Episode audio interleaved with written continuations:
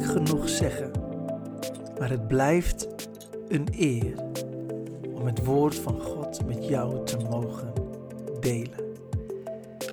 Wat fijn dat je de podcast weer hebt aangezet, dat je weer wilt luisteren naar het woord van God dat geloof creëert in onze harten. Als je voor jezelf gewoon de Heilige Geest nu op dit moment uitnodigt, dat Hij de woorden tot leven blaast. Rema. He, zoals Jezus zegt in Johannes 6, vers 63. De geest is het die levend maakt, het vlees doet geen nut. De woorden die ik tot u gesproken heb zijn geest en leven. Weet je, en dat hebben we nodig vandaag de dag. Dat heb jij nodig, dat heb ik nodig. En daarom luister je ook nou naar deze podcast en ik vertrouw de Heilige Geest dat Hij de woorden tot leven blaast, ten gunste en tot opbouw van jouw geestelijk leven. En weet je, elke keer als je het woord hoort, dan moet het als een, uh, uh, moet het doel hebben dat je na het horen van het woord, dat je echt altijd weer het verlangen hebt om die relatie met Jezus hechter te maken, om Hem nog meer te zoeken, om zelf honger te krijgen in je geestelijk leven, om het woord van God te lezen, om het woord van God te bestuderen. En uh, daarom vind ik het leuk dat, uh, en ook heel mooi dat ik daar uh, een bijdrage aan mag, aan mag leveren. En dat, dat je daarom luistert.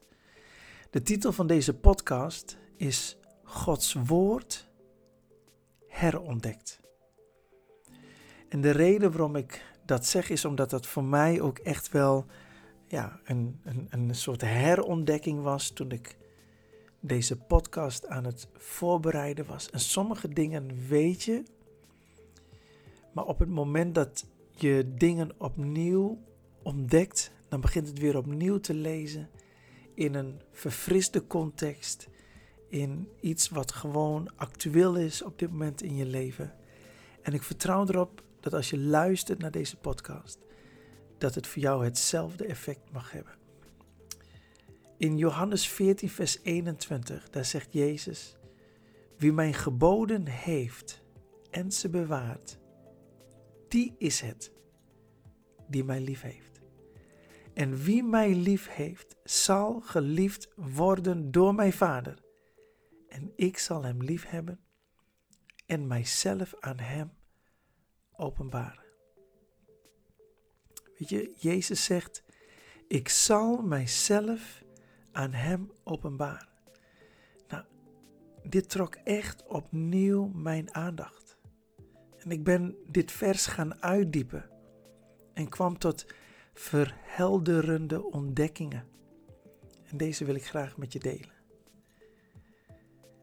Nog één keer, de basis. Johannes 14, vers 21. Wie mijn geboden heeft en ze bewaart, die is het die mij lief heeft. En wie mij lief heeft, zal geliefd worden door mijn Vader. En ik zal hem lief hebben en mijzelf aan hem openbaren. Ik ga je uitleggen. Ik heb een. Uh, even kijken hoor. Klein moment. Ik heb een paar punten. Ik heb vier punten die ik met je wil behandelen. En uiteraard begin ik bij punt 1. De geboden hebben. Want dat is wat Jezus zegt, hè? Wie mijn geboden heeft. Nou, ik ben gewoon gaan inzoomen. Wie mijn geboden heeft. Weet je, en het woord heeft betekent onder andere met iemand verbonden zijn door banden des bloeds, door het huwelijk, door vriendschap, door een plicht, door een wet enzovoort. Met iemand verbonden zijn door. Dat is één betekenis. Een andere betekenis van het woord heeft is iemand aanhangen. Iemand aanhangen. Nou, dit roept bij mij het beeld op, zoals beschreven staat in Genesis 2, vers 24.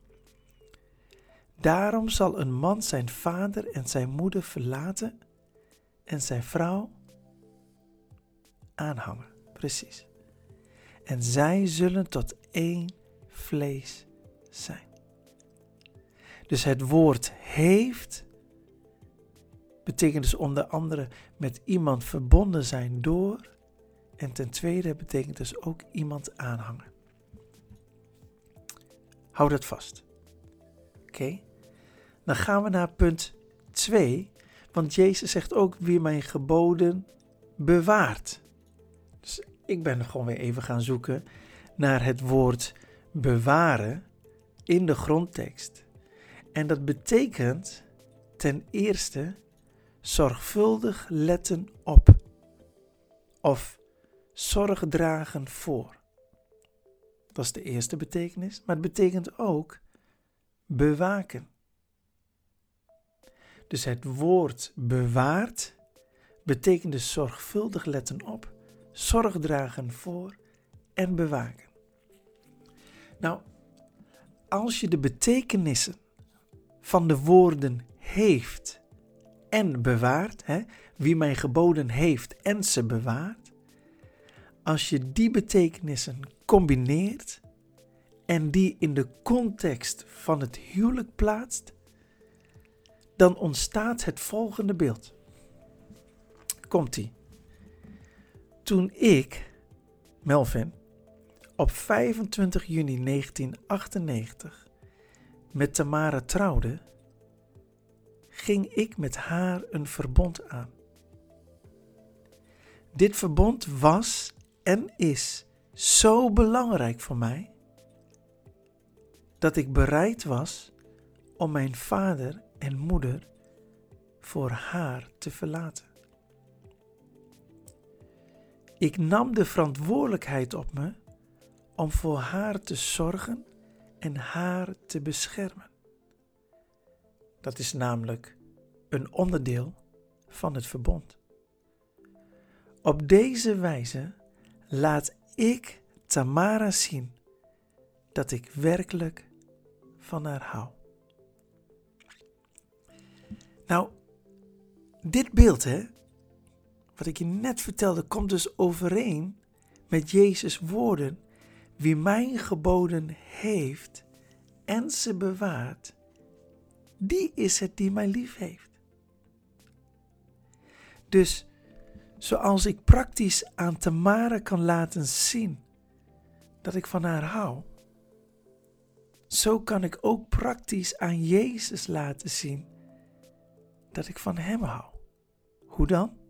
Nou, dat is Gods woord de eerste plaats in mijn leven te geven. Wauw. Dat ik soms gewoon dingen verlaat om het woord van God aan te hangen. Dus wat ik ontdekte, hè, dus Gods woord begon te herontdekken, was dat die liefde waar God het over heeft, hè, die is het die mij lief heeft. Wie? Wie is dat dan? Nou, degene die mij geboden heeft en ze bewaart. Wat ik ontdekte is, ik kan het plaatsen in de context van het huwelijk. Je, dat, dat vond ik zo mooi om dat te herontdekken. Het beeld van het huwelijk brengt mij ook bij Jezus' woorden in Lucas 14, vers 26. Dat zijn die radicale woorden. Indien iemand tot mij komt en niet haat zijn vader en moeder en vrouw en kinderen en broeders en zusters, ja, zelfs zijn eigen leven, die kan mijn discipel niet zijn. Wauw. En misschien heb je het wel vaker gehoord. Het is niet zozeer dat Jezus helemaal niet wil dat we niet van onze vader en moeder houden.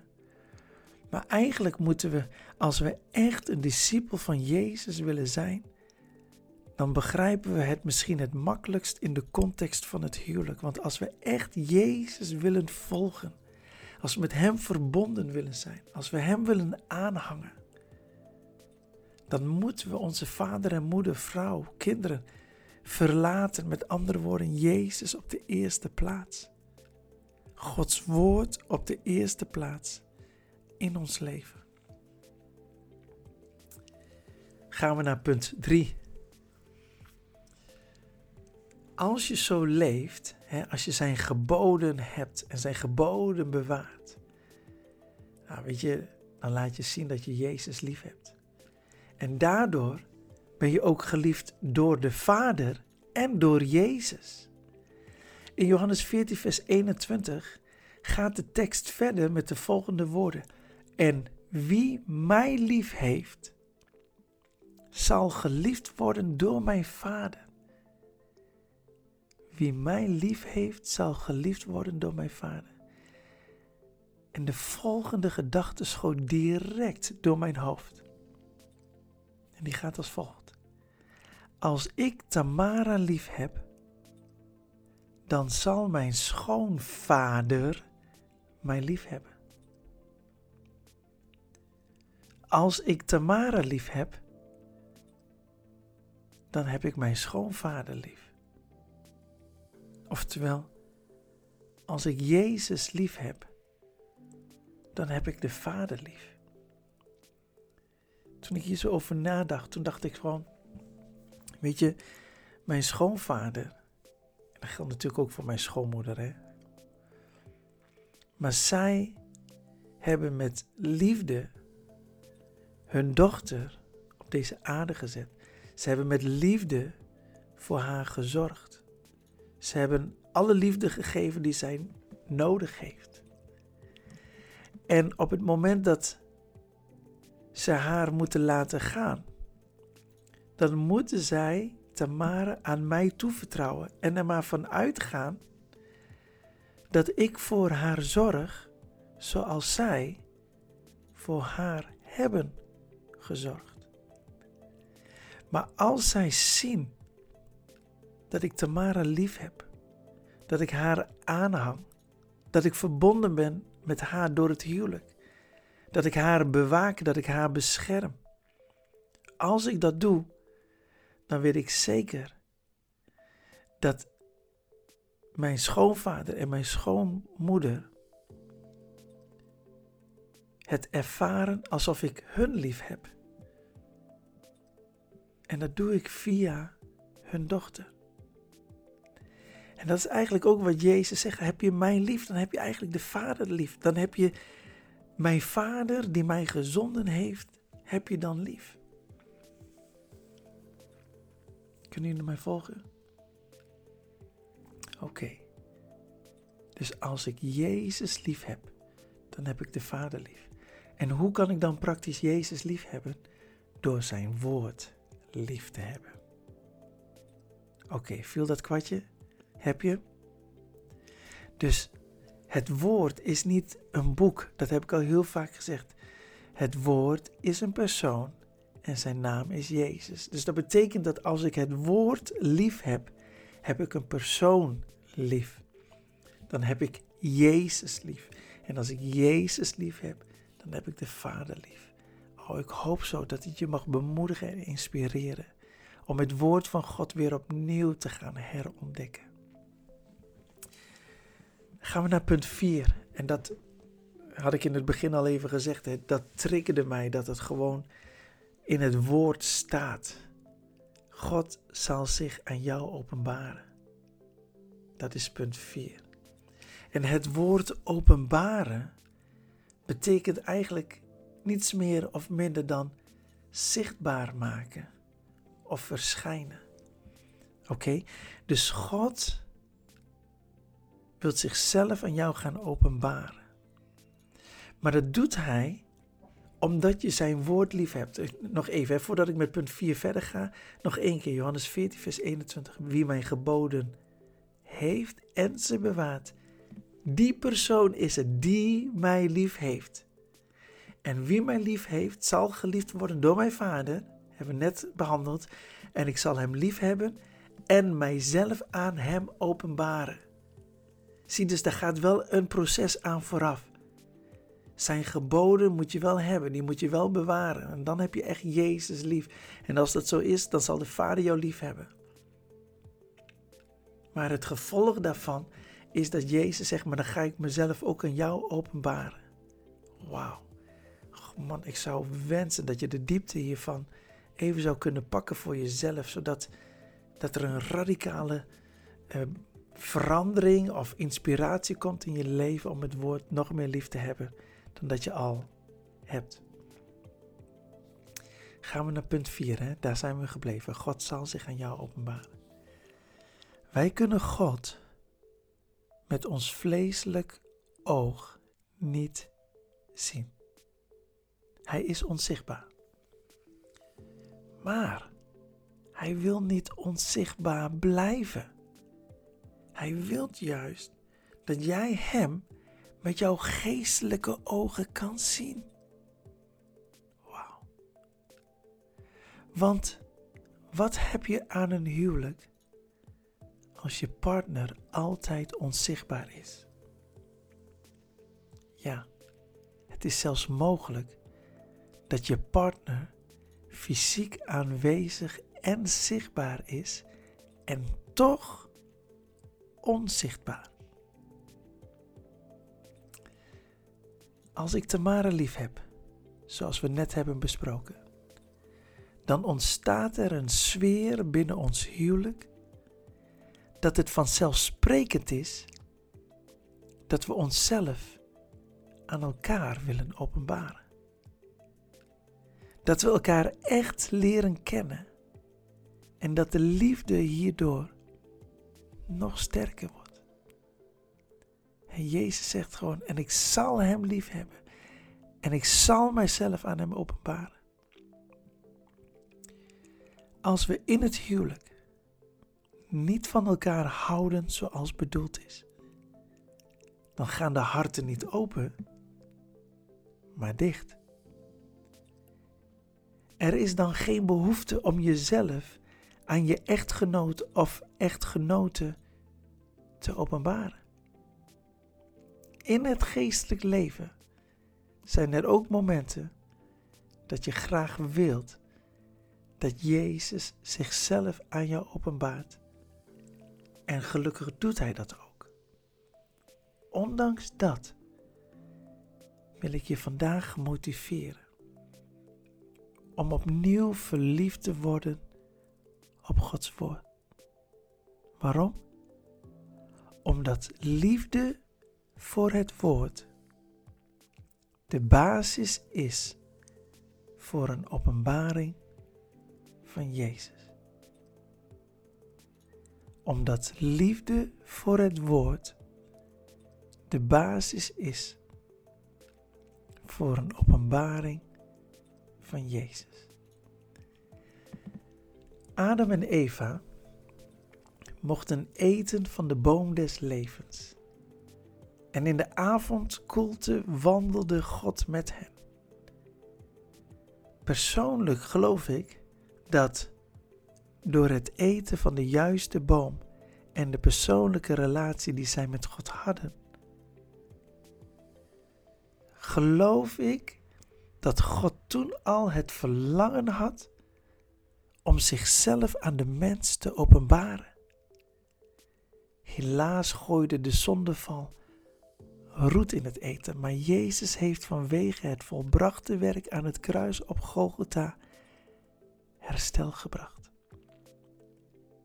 Hij wil zich aan jou openbaren. Gods woord herontdekt. Dat is wat het met mij heeft gedaan. Eén eenvoudige tekst. Om gewoon daar eens in te duiken. Het heeft me echt weer aan het denken gezet. Ik doe een beroep op jouw hart. Maak weer ruimte in je hart.